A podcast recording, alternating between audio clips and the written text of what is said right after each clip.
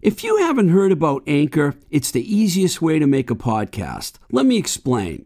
It's free. There are creation tools that allow you to record and edit your podcast right from your phone or home computer. Anchor will distribute your podcast for you so it can be heard on Spotify, Apple Podcast, and many more. You can make money from your podcast with no minimum listenership.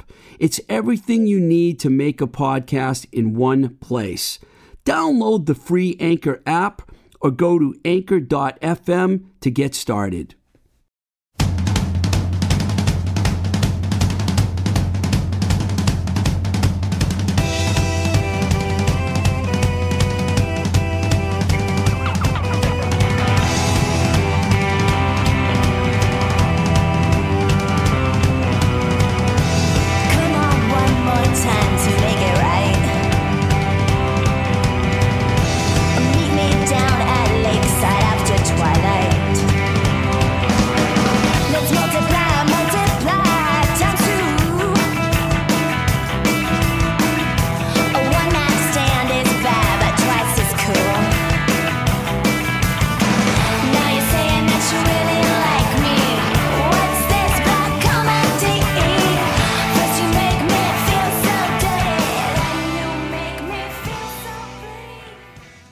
This episode of Blowing Smoke with Twisted Rico is brought to you by Baby Loves Tacos and its two outstanding locations in the Pittsburgh, PA area. The original hotspot in Bloomfield and their second location in Millvale, right over the 40th Street Bridge. Baby Loves Tacos, where everybody eats.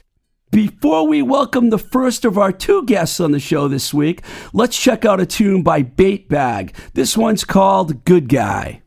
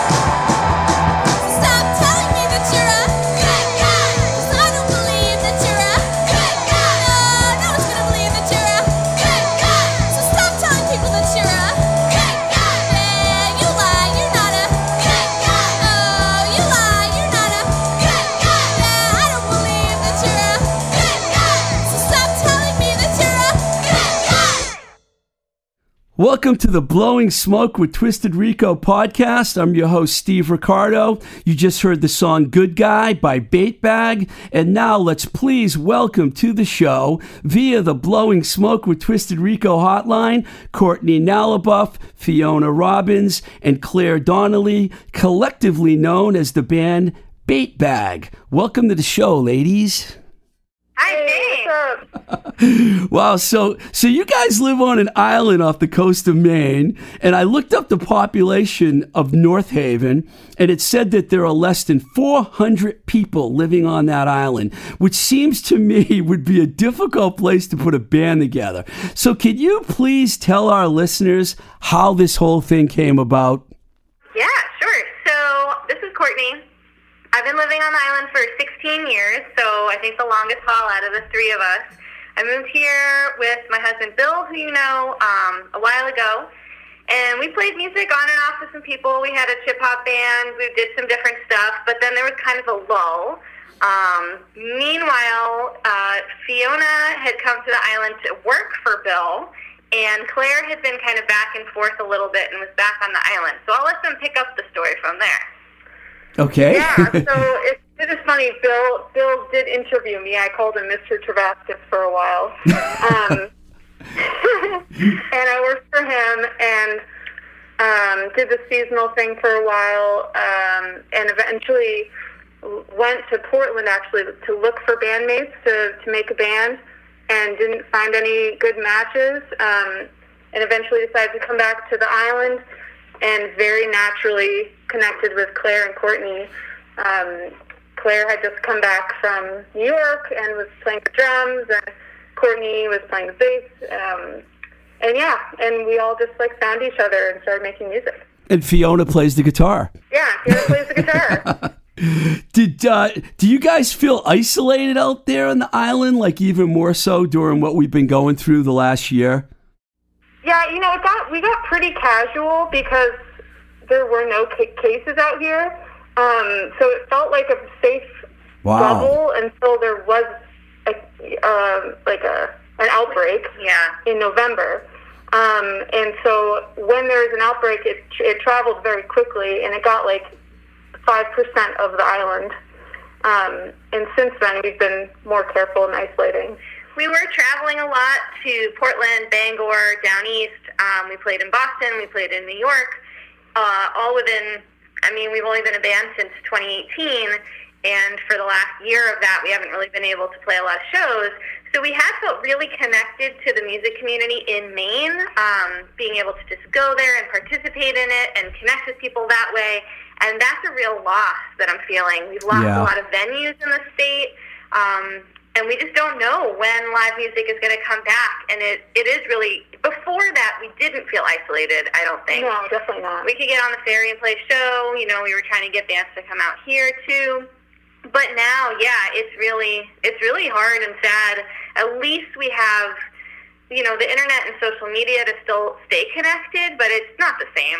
Mm-hmm. Yeah, we've lost a lot of venues everywhere. I'm I, we're, I'm in Somerville. That's where we record right now, and we've lost some well-known bars all over Boston that were great music venues. Have gone down the toilet. And before I lived here, I was out in Pittsburgh for five years, and the same thing happened there. Um, you guys describe yourselves as a feminist punk band, which I love, with influences like Sleater-Kinney, a band that I really love also, and Le Tigre, which featured Kathleen Hanna from Bikini Kill. Should I should I assume that you're also fans of the early Riot Girl scene that started with bands like Bikini Kill and Bratmobile as well?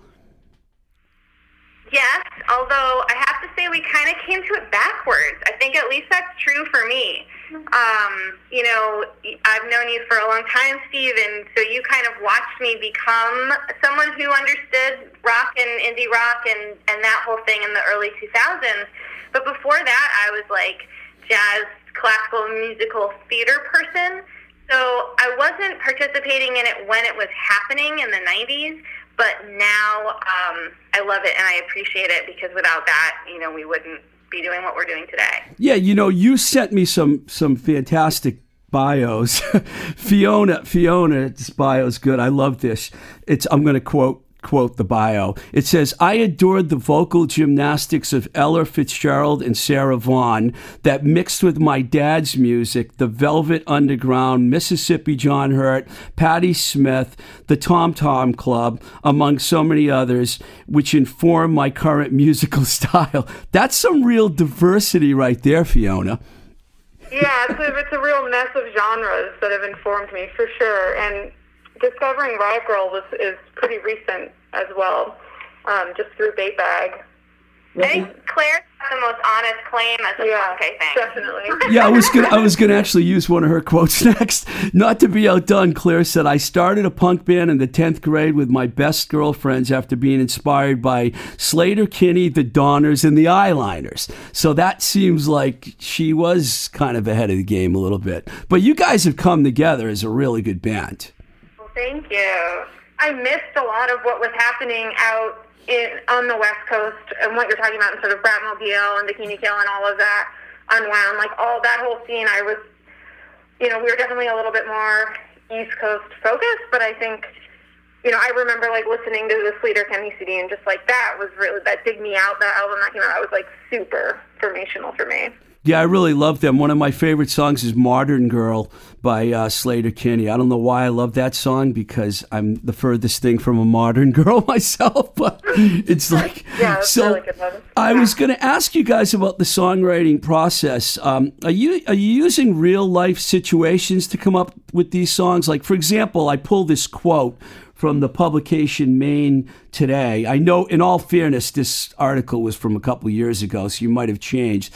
But this is what I got out of it. I quote: "As to what specifically influenced influenced the writing of their songs, Naliboff."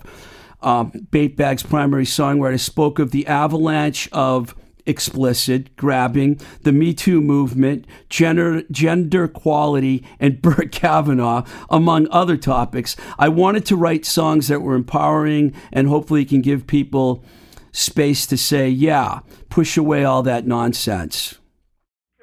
I think that other than I'm not really the only the primary songwriter anymore. Um, I think it's balanced a lot more in the last two years. Uh, that's still totally true, though. I think everything that we bring to the table is is a reaction to something that we're genuinely feeling or seeing. Yeah, I, I pulled that from a, an article I found online from a couple years ago, so I figured some of it might have changed. So it's it's a pretty fair representation of the impetus of the songwriting, though the style basically, because you're you describe yourselves as a feminist punk band, so I think you know. Yeah, and like it's hard. This is Fiona speaking, and um, it's hard for me as a songwriter to write about things that I haven't experienced. But I think, um, like for example, "Good Guy," Claire wrote the lyrics to that song, and that was like based in a real experience that we had, but then we extrapolated to a larger issue of, you know, gender dynamics.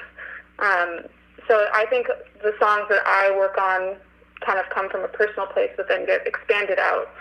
There's This is Courtney. Go I tend to be ripped from the headlines, kind of. Like we we just played a show with the Maine women's lobby over Zoom, and it was like uh, the song I wrote about abortion rights and the song that I wrote about childcare, and you know the song I wrote about postpartum care. Like that, that tends to be where I come from as a songwriter right now.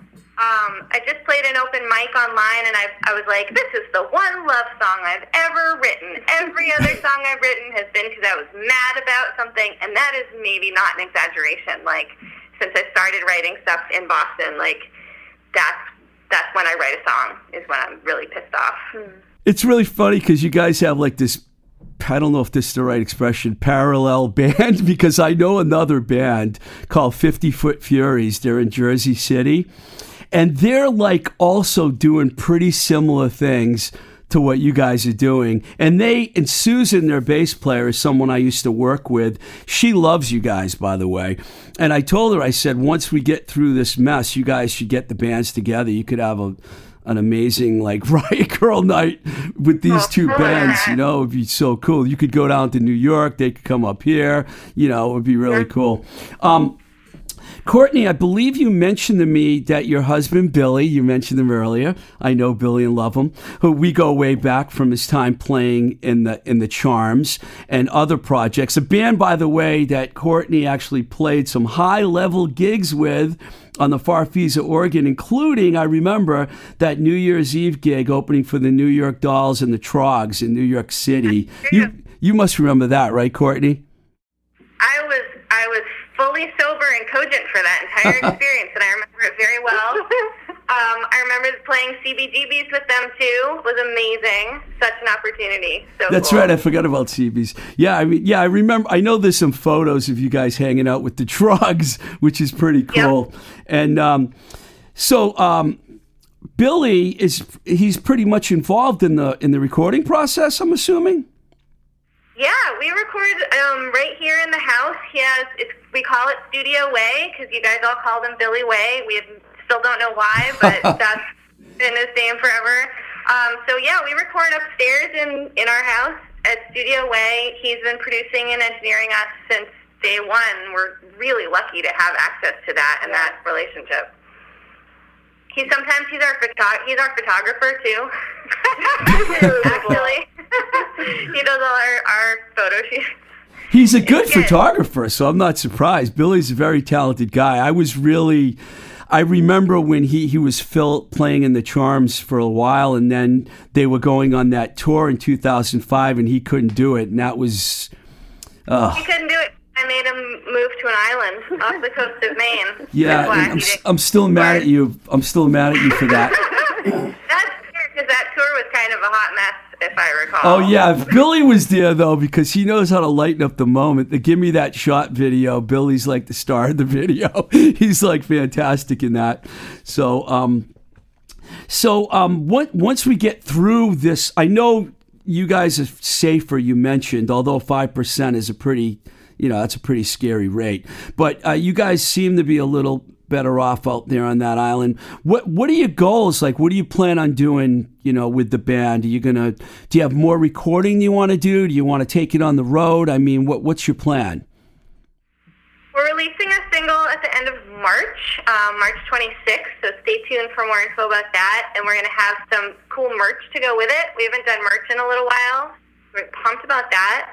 Um, we have a lot of demos that we want to sort of finalize and release. And long term, we want to put out a full length album, um, but really not until we can, you know, hopefully tour a little bit to support it. Get on the road with the 50 Foot Furies. Yeah.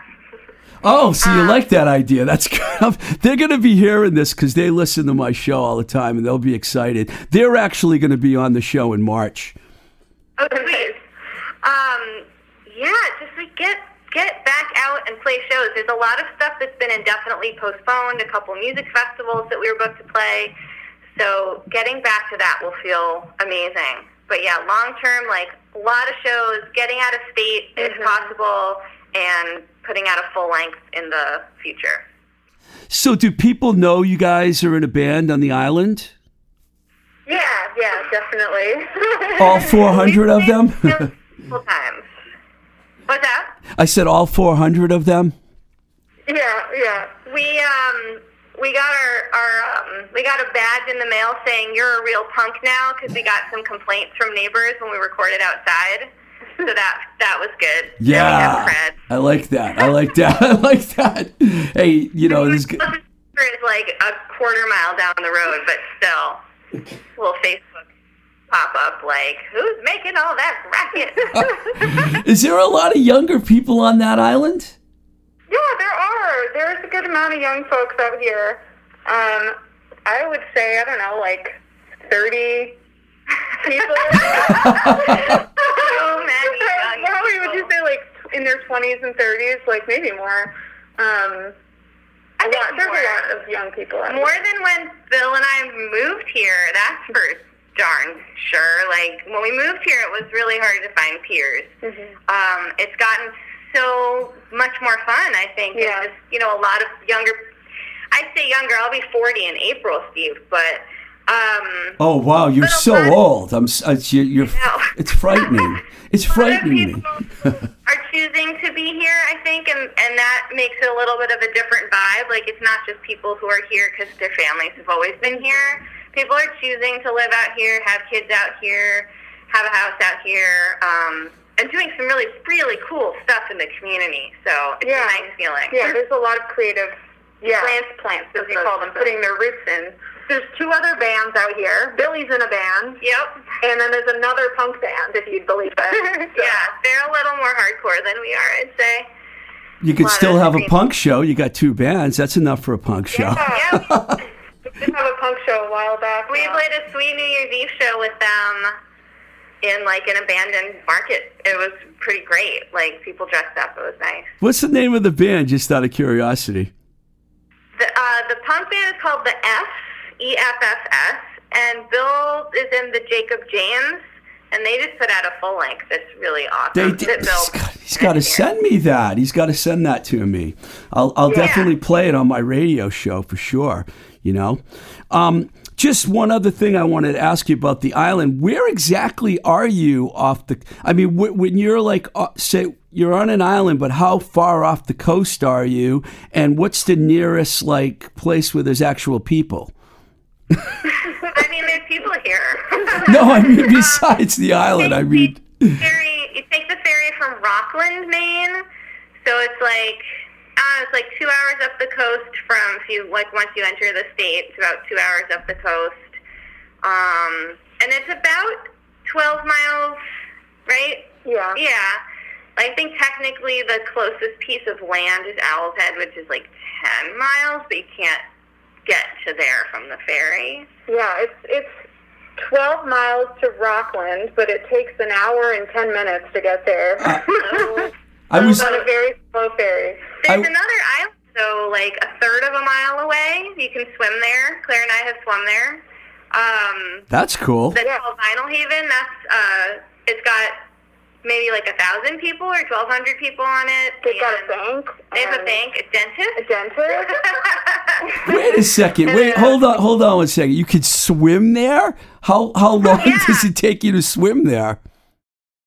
Um, I don't know. How long did it take us to swim there? a half hour. Yeah, I mean, it's not a practical mode of transportation. I, I prefer it. It was cool. God. Um, Wow. Good. You couldn't even get I mean, I'm not sure you could get me to get on the ferry because I'll go to um Martha's Vineyard because it doesn't take very long. But when I lived in LA and I had a girlfriend that lived on Catalina Island, it was an hour and a half on the ferry.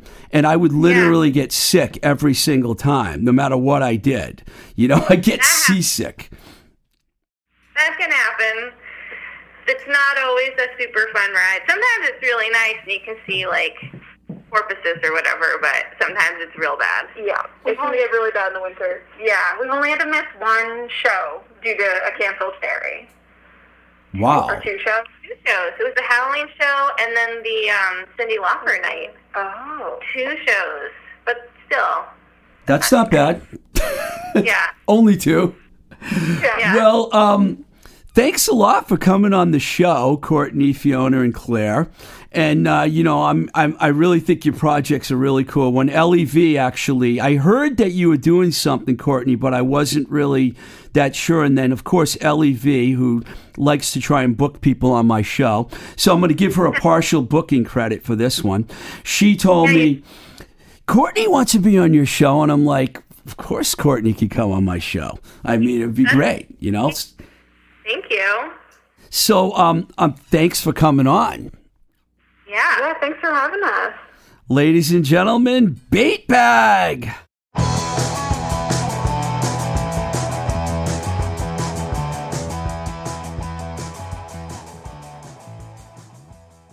Yo, yo, yo! It's Zach from Baby Loves Tacos. Just wanted to give a huge shout out to Steve Ricardo and his incredible podcast, Blowing Smoke with Twisted Rico, where he tells incredible stories of a life on the road, herding stray kittens, personalities, and conveying incredible stories to uh, to all of us out here in a crazy world, whether you're in a blizzard in a parking lot in Pittsburgh, like me, rolling fat burritos for your customers, or just chilling out after a long day, Blowing Smoke with Twisted Rico is definitely my go to podcast and always brings a smile to my face when I hear his stories, the incredible guests that he brings on, and just that very unique delivery that only a man of Steve Ricardo's wealth of experience, texture, personality, and humor can uh, can bring to a show. So tune in, donate on Patreon. Just maybe just send him a big wad of cash, a blank check. Just sign it first and make sure there's some money in the bank, and um, just help help keep the good times rolling. Peace.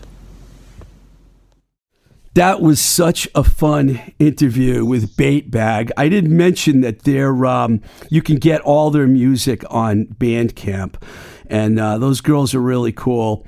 And um, we'll you'll be hearing more from them definitely. Um, like I mentioned earlier, we have two guests today. And before we bring Gina Phillips on, let's hear the song Ego from the band Peak 15 featuring Gina Phillips. Here it is.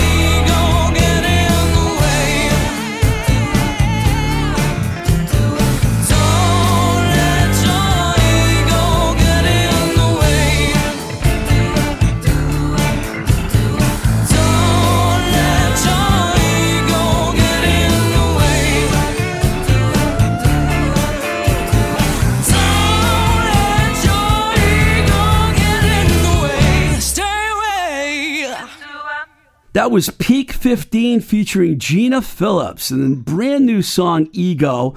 Please welcome to the Blowing Smoke with Twisted Rico podcast, Gina Phillips. Hello, Gina. Hi, Steve. Are you there? Yeah, I am. Can you hear me? yes. Um, that single was just simultaneously released with a video that blew up on YouTube on February 12th. I think it exceeded some expectations in terms of the amount of views that it got right away. How excited are you about this whole thing? T- tell me about, you know, the recording because that was the first time you were ever in the studio and the video and tell me tell me what it was like for you. Yeah. Um, so I guess more recently, now that things have actually been put out to the public, it's gotten a lot more real. And seeing the views spike up, I think I haven't checked this morning, but we were just shy of 2,000 as of last night, which was totally insane to me. Um, and I know that three year old me would be screaming right now, freaking out, because this is definitely a childhood dream of mine.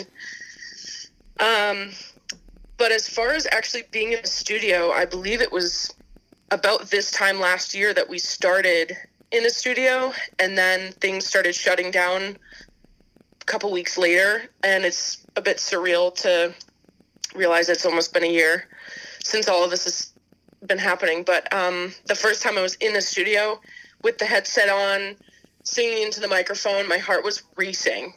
Um, my anxiety was through the roof. I felt so uncomfortable.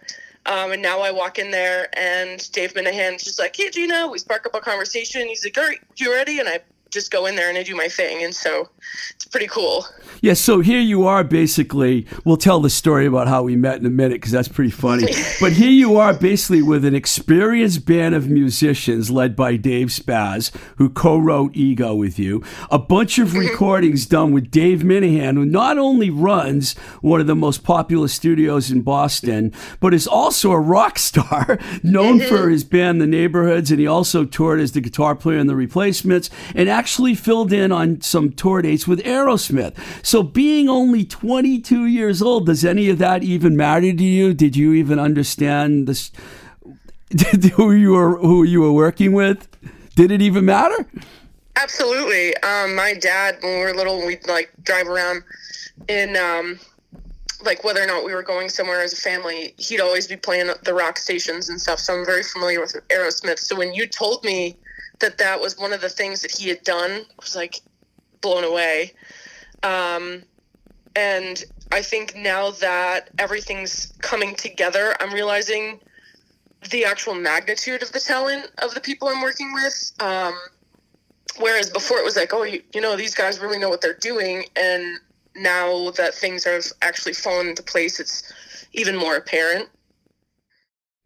Right. I mean, plus Dave is very. I mean, I've known Dave Minehan. I've known both Daves for a long time, but Minehan I've known longer because we worked together way back in the '80s, and he's like always has that really cool, friendly demeanor about him. Mm-hmm. He's pretty. Mm-hmm. I mean, you probably notice he's pretty much the same every time you hang out with him, Yeah. right? Yeah, he's just a genuinely good person and he's super talented and you'd never know. If you just met him on the street, you just think mm. that he was a super nice guy.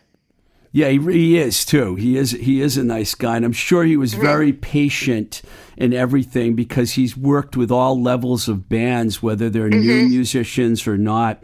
I was just gonna add like uh, he's a really great hype man. Like when I when I've done something cool, he'll like just voice in real quick and be like, "That was awesome, keep going." I'm like, "Okay." Cool. So he he was really supportive of your singing, is what you're saying. yep. That's awesome.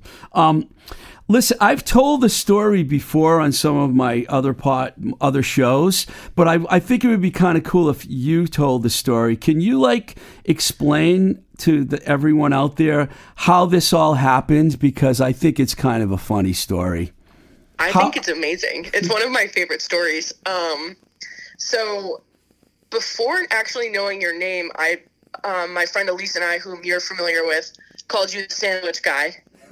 um, so at Worcester State, um, I was finishing up my degree, and so I met you in the fall semester, and I started going with my friend to um, lunch, and we would get the same order every single time, and then eventually you and I started building you know, a friendly acquaintance. And we'd joke around to each other and whatnot. And then one day you started calling me nicknames and stuff. And it was different every single day. One day you actually called me Rockstar or Superstar. and I started laughing. I was like, oh, you have no idea. And you were like, yeah, yeah, yeah, whatever. And Elise was like, no, really, you have no idea. She's a really good singer. And you were like, what? Hang on. If you're actually a good singer, you need to send me some of your stuff. So you, in the middle, like there's a whole line behind me, and you whip out your wallet, whip out a card, and hand it to me. You're like, send me some stuff. And it basically just started going from there because I sent you stuff, and you were like, that's really good. I have a band that you um, could work with, and here we are now, um, w- over a year later since that happened. And it was just the most random thing ever. I've had so many people ask me, How did this happen? Like, how did you meet this guy? I'm like, Well, very random, actually.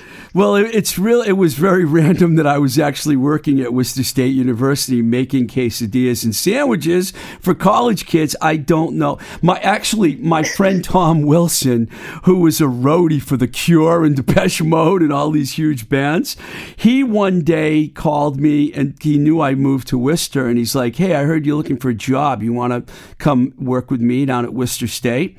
And I was like. Yeah, sure. Because I had worked at Baby Loves Tacos, which we talk about, and they sponsor the, the show. So I went down there and I started making food for kids. I had no idea they put me in a place where I was going to be have a line a mile long every day. So it wasn't always fun. So then when people started finding out about my podcast and that I was in the music business, you know, kids started opening up to me, and that's when I met you. And it was really easy for me to communicate with you. And you probably didn't know what the hell I was talking about, you know, because how would you? But it kind of escalated because the minute I told Dave Spaz about you, he was like, You think she'd want to sing with us? And it's like, yeah, I think she does. And I don't remember exactly, but I don't think you guys got to rehearse very much because didn't the pandemic hit right after that? Um, yeah, so we started rehearsing together in November, and it was every Monday for a long time. And then um, we finally got into the studio around this time last year. And then what was it, the second week? It was literally the day of my birthday, the 17th, that they decided to shut down all bars and restaurants. Um, and that was in March. So it was only, a f- we only got a few months worth of rehearsal in. And mind you, I bombed my first rehearsal with them. I remember that actually. Yeah. I remember I had to I talked to you on the phone, but you know what? No everyone kind of it wasn't like that was unexpected. You never even had played with a band before that, did you? Um, I had done little stuff with like um, one of my good friends. He was a really great, he still is, great guitarist, and we'd play little things here and there. And my cousin Jody Frawley, who's um, an amazing musician, she's I've sung with her a couple times. Jody Frawley, the guitar player, is your cousin? Oh yeah, I Dave know. Jody. I thought I thought you had known that. Yeah, no, Jody Frawley is very much so my cousin. Wow, I don't I don't think Dave knows that her that Jody and I know each other from it's from a while back. I remember seeing her play and talking to her a few times. I did not know you guys were cousins. Wow. That's cool. That's cool. Wow. So Um, so um this was a single. And so now later this year you have an EP coming out with like what is it, five or six songs? I believe as of right now it's six. six songs. Um, do you have any goals and plans, you know, for the future on what you're going to be doing with your music? I mean, are you going to? I mean, I, what is your plan for the future? That is such a loaded question. Um, I mean, if you asked me even six months ago, I had a different plan than what I have now. If you asked me a year ago, I have a different plan than what I have now. Um, as far as music goes, I've never been in a position where I've put it first in in my life, and it's been such an overwhelmingly new and amazing process. I have no idea. Um, when I daydream about it, um, a song gets picked up and blows up, and all of a sudden everyone knows my name. That would be super cool. Cool, cool. So you, so do you hope to like play sh- play live shows and stuff with Peak Yeah. Fifteen, or is this just a project that you're working on? Or I mean, what? That's what I kind of meant when I asked the question. I didn't know what you planned on doing, but I do understand your answer that you could change your mind in six months because you're at an age where that that kind of does happen when you're young. Right. That's why I'm I'm not giving a steadfast answer just because so much has changed already in a year, especially with the pandemic. We have no idea if or when we'll be able to play out and by then what that's going to look like, you know what I mean? But ideally, yes, we would get to play out together cuz I love performing in front of people, so that would be super cool. Nice. Now, you know what I wanted to ask you about? Uh, I started to, and I did it. The video. What was that like when you met the director, Lauren, and then you record? How, what did? How long did that take to make that video? I believe when I counted out the hours, it was about 14 in total. That's amazing. Only 14 hours. Wow. So, what was it like working with Lauren? I mean, both Lauren and Sierra were super duper friendly, very open to ideas. Um, it was a very, um, what is the word I'm looking for? Collaborative uh, session. Uh huh. So there were some times where you you have a vision in your head, and then you actually start acting out that vision, and sometimes it just didn't either make sense in the setting or something was going wrong, and all three of us would stop and spitball ideas. So it was never just one person taking the role of this is how it has to happen, and there's no ifs or ands about it. Um, it was extremely collaborative. They were super friendly and awesome, very talented, and it was fun to work with people also um, closer to my age. Right. It, I want to try and say Gina's last name, and I don't have it in front of me, and I know I'm going to mess it up. Mess it up. Googly. Uh, see what I mean? and I can't. Oh, um, she has Lauren's last name? Yeah, I mean Lauren. I'm sorry. What did I say? I meant Lauren. Well, she's an actress too, so she actually has been in videos. So she's been on both sides of the camera. I apologize to our listeners for not getting the name right, and I'm sorry, Lauren. I will try. I will. I will somehow get that into the show and and correctly say it. But I think the thing was that she was probably easier for you to work with because she'd been on both sides of the camera. And sometimes mm-hmm. when you deal with someone like that, because I know they were in the middle of editing and they had to take a break because she was in another project where she was acting. So it was probably a good experience for you to be around them. Yeah. So the video is like, you know, doing really well on any if you want to watch it, it's really easy to find. Just look up Peak 15 Ego featuring Gina Phillips and uh, it's on YouTube and there was a real build up. What did your family and friends think when they saw the video? Oh my gosh, my phone that night was blowing up. Um, that video got so much love and praise. Um, even my coworkers were like, "Oh my gosh, we work with a superstar." um, I actually invited my family over that night to watch it, so did the countdown and everything, and my best friend was also there. We got to watch it, and we had pizza and beverages afterwards. Popped a bottle of champagne, and definitely, definitely, um, marked off that milestone pretty well and my family's been very supportive and very excited my both my parents pushed that video so much they were tagging people and sending it directly to people so they they played a huge role in That's fantastic. on it And you know, you Yeah. mentioned this to me that you grew up in the Boylston area, I believe, which Yeah. which most people probably aren't even going to know where it is because you know No. my audience is like a worldwide audience, but it's kind of a sleepy little town outside of Worcester.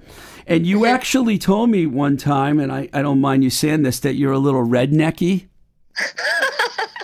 i knew you were going to find a way to incorporate that But I, Um, but you're like you like ride horses and take care of horses and stuff. So I wouldn't. You don't drive around in a hyped up pickup truck with like you know like American flags hanging on the back. I mean, right? no no no no i've definitely got a little country in me for sure um we so actually last night i just rode a new horse for the lady i work for at one of the barns and did some jumping on her which was super awesome um but we grew up like stomping through the woods my brother and i and making mud pies and riding on the the tractor with my dad and you know, I, I learned how to drive in a pickup truck. So it's definitely not beyond me. I've got camo muck boots that I wear to the barn. It's really funny because when I first started listening to you and hearing the songs that you were doing, a lot of covers you were posting online, I never would have thought country music was something, or even that lifestyle was in your realm of possibility. But you do like country music, don't you? Um, I've only been to one not non country concert. and I've been to a lot of concerts. Wow. I mean, if you hear, for people that are going to listen or just heard Ego, you just heard it a few minutes ago, you probably wouldn't have suspected that. And I didn't either. But I'm curious, what was the one non country concert that you went to? I actually hated it. I went to support my best friend because she really wanted to go. And I was like, oh, I'll go to this, you know. I honestly don't even remember. Um, It wasn't a big, was. big rock show or anything like that then. No, I would have enjoyed a rock show more than this. It was like hip hop, rap, and it was like eh, totally out of my element. I did not enjoy myself. we ended up leaving early. Well, I think you're off to a really good start, Gina. And, uh, you know, I mean, I, I, I know that you're like, you don't know what the future holds, but right now the future looks really bright for you. And um, I thank thanks for coming on the show. And anyone out there that's listening, please go check out the video. The song is actually available on Bandcamp, and from what I understand from the label Spaz Productions, it's going to be available on all the streaming channels like Spotify and iTunes and everything. If it isn't already, it will. It will. It should be any day. So you can buy the song, you can watch the video, and then you can expect the EP, which is coming later this year. And is there anything else you'd like to say to your many fans before I let you go, Miss Phillips? no, I just want to thank you for having me and making me sandwiches over a year ago and then starting this whole process. Well, thank you, and thanks for coming on the show. And I'm sure we'll Yeah, be talking soon. oh, definitely. All right, take care, Gina. Yeah, you too. All right. Bye. Okay, that was a fun show. I mean, we had like Bait Bag on earlier. And uh, once again, they're from North Haven, Maine, and they live on an island. And you can get all their music on Bandcamp. And then you just heard Gina Phillips, and it's Peak 15 featuring Gina Phillips. The song's Ego. You can find that on Bandcamp and also watch the video on YouTube. So we had a really fun show today. So thank you, Nick Z, for engineering. And uh, please, if you're out there listening and you want to support the podcast, we have a Patreon page. It's patreon.com forward slash Twisted Rico. Uh, this is Blowing Smoke with Twisted Rico. I'm your host, Steve Ricardo. Keep the rock and roll alive.